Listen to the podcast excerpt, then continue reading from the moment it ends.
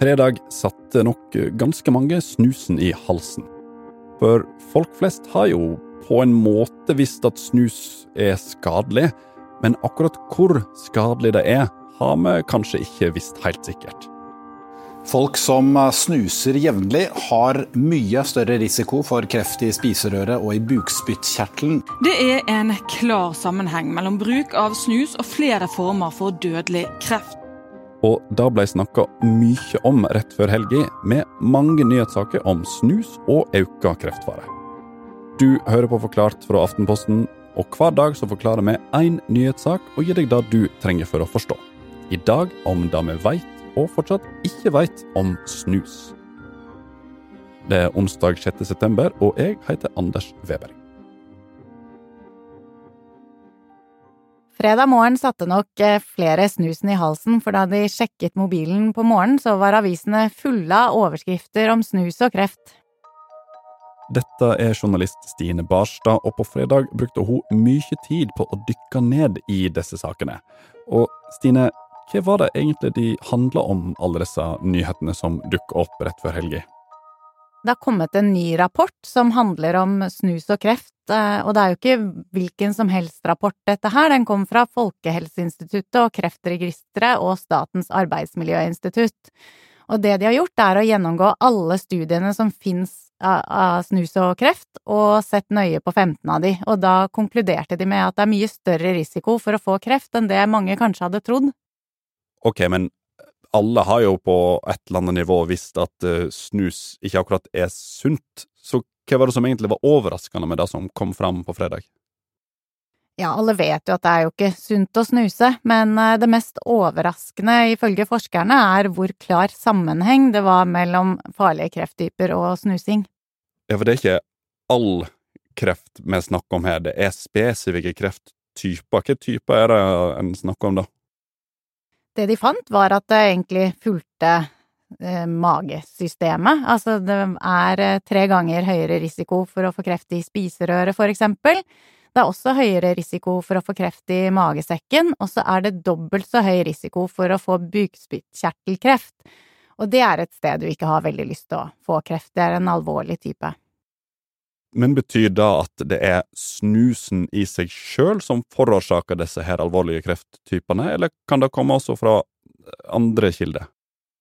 Det studiene viser, er jo at det er en sammenheng mellom snusing og kreft i de gruppene som ble undersøkt, eh, men man vet jo ikke om de gruppene også hadde andre vaner, for eksempel hva de spiser og drikker, som kan ha påvirket om de får kreft eller ikke. Ja, for slik det ofte er med forskning, og særlig av den typen forskning som gjelder helsa vår og hva som er sunt og ikke sunt, så er ikke dette helt rett fram. Stine, når det gjelder den forskningen som kom fram nå på fredag, hvor solid er egentlig den? Altså, de har gjennomgått alle studiene som er gjort på kreft og snusing, så sånn sett er den veldig grundig, men den har også noen utfordringer.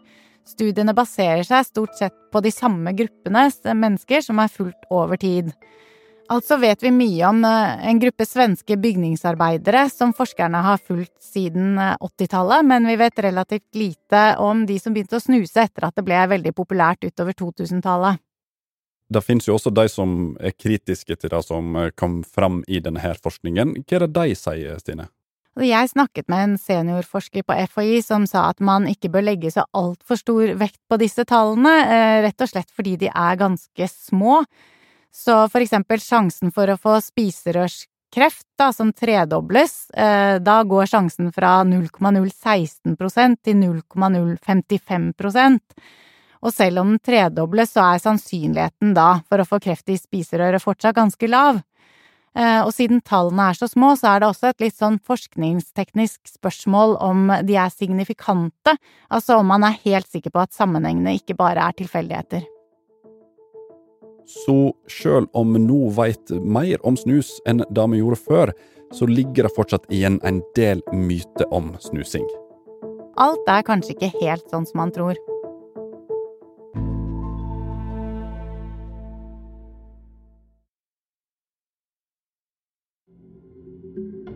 Men vi er i 2023, og nå er det snus som er den store landeplagen. Det er mange myter om snus, så vi kan starte med den første av dem. Og det er ganske enkelt at snusing er ikke så farlig, egentlig.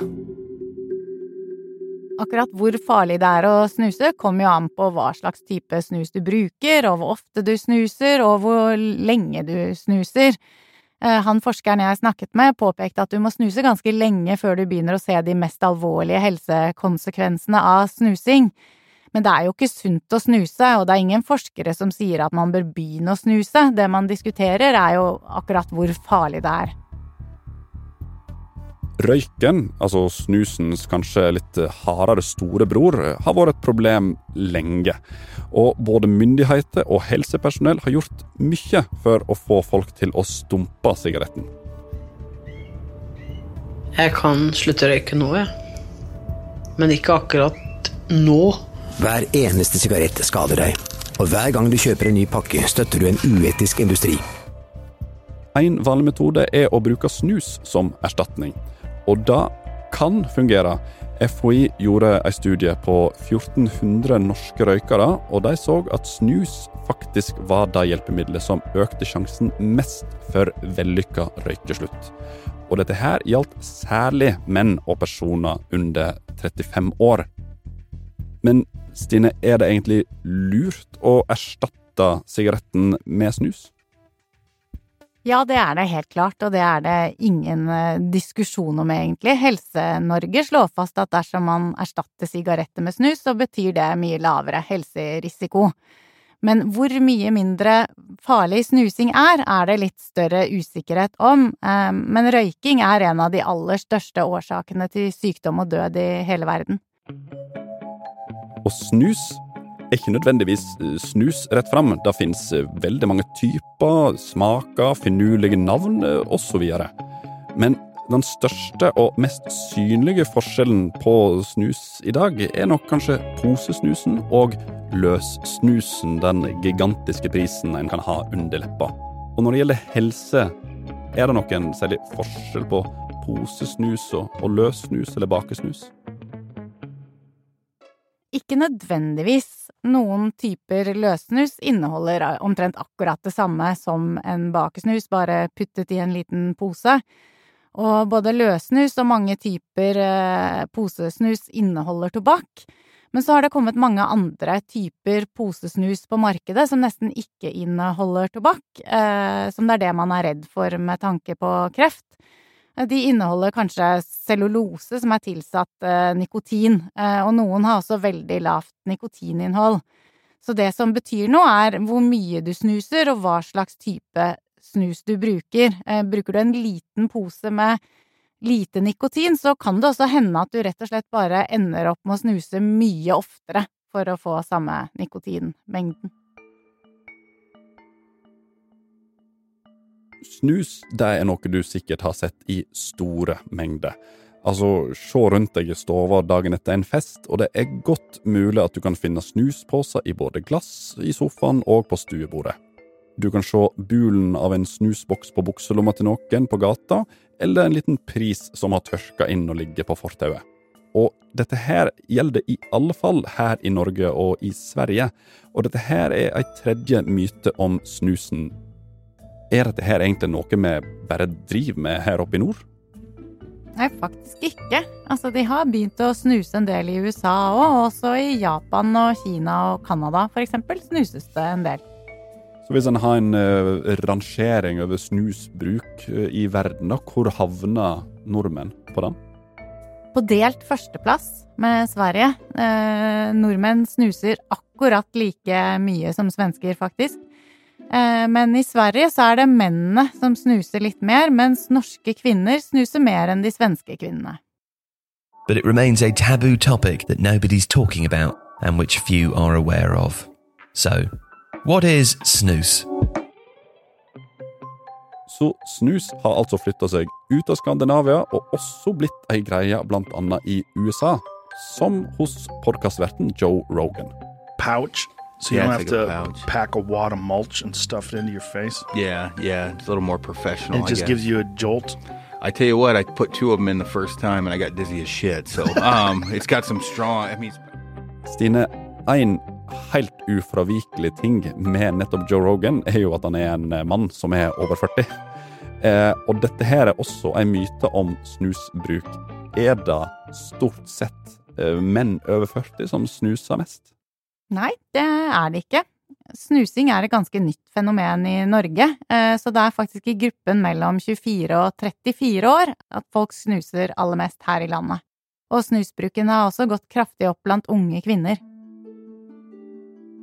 Og denne økningen den kan jo virke litt rar, for de siste årene så har det vært ganske mye oppmerksomhet rundt det å være sunn, noe som for så vidt gir mening. Og i samme periode så har andelen nordmenn som røyker daglig, gått stødig nedover. Stine, hvordan har snusingen utvikla seg de siste årene? Den har gått den samme veien som snusen går i leppa, opp. Eh, det er selvfølgelig individer som har sluttet, men sett under ett så har andelen av folk som snuser daglig, gått opp i alle aldersgruppene, og særlig da i gruppen 25 til 34 år. Der snuser dobbelt så mange nå som for ti år siden, for eksempel. Men er dette ei utvikling som bekymrer myndighetene og Folkehelseinstituttet i dag? FHI er jo aller mest bekymret for røyking, sånn at de er egentlig ganske glade for at stadig flere bytter ut røyken med snus. Men så er det jo mange av de som snuser nå, som aldri har røyket før, og så er det som sagt forsket litt lite på hva som skjer med denne gruppen. Og så kommer det nye snustyper på markedet. Mange av de inneholder nesten ikke tobakk, og de har også ganske varierende mengder nikotin. Og det er jo tobakken man er mest bekymret for når det gjelder snusing og kreft. Og selv om nikotin heller ikke er direkte sunt, så ser ikke myndighetene på nikotinbruk på et sånn folkehelseutfordring på samme måte som tobakk. I dag, når vi tenker tilbake på barer som var fulle av røyk, og folk som røykte nesten hele tiden, virker det som, så er jo det et ganske rart bilde. Er det dit vi er på vei når det gjelder snusing også, at det da vil se rart ut i framtiden? Ja, så da jeg var ung, på slutten av 90-tallet og begynnelsen av 2000-tallet, så røyket jo alle vennene mine, og så sluttet jo de aller, aller fleste med det da røykeloven kom i 2004. De store snusleppene ser man jo også veldig sjelden nå, men om det vil se like rart ut om ti år å putte en liten pose oppunder leppa, det blir jo spennende å se, da.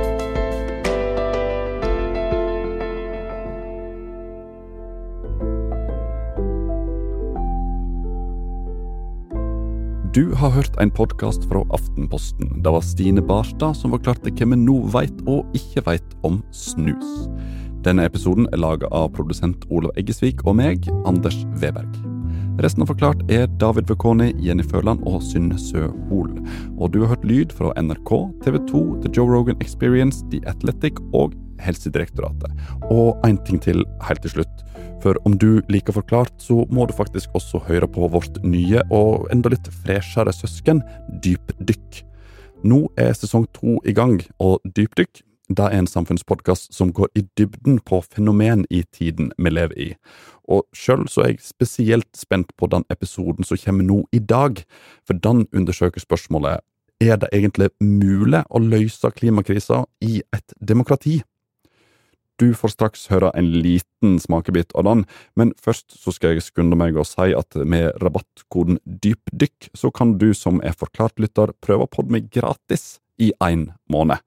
Den kan du bruke om du besøker podme.no for å bli abonnent. Det var altså rabattkoden DYPDYKK. Så her er en smakebit av dypdykk med Marit Eriksdatter Gjelland. Norske politikere sier de vil løse klimakrisa. Så kan vi altså kutte utslipp, og vi kan skape jobber. Og vi har oppskrifta. Ja, altså Vår rapport viser at det er mulig å nå målene. Så hvorfor går det så sent? Hvis du skal ta en meter av hagen min, så skal du faen meg møte motstand. Er det demokratiet som er problemet? Hør ny sesong av Dypdykk i Podmy eller Aftenposten-appen nå.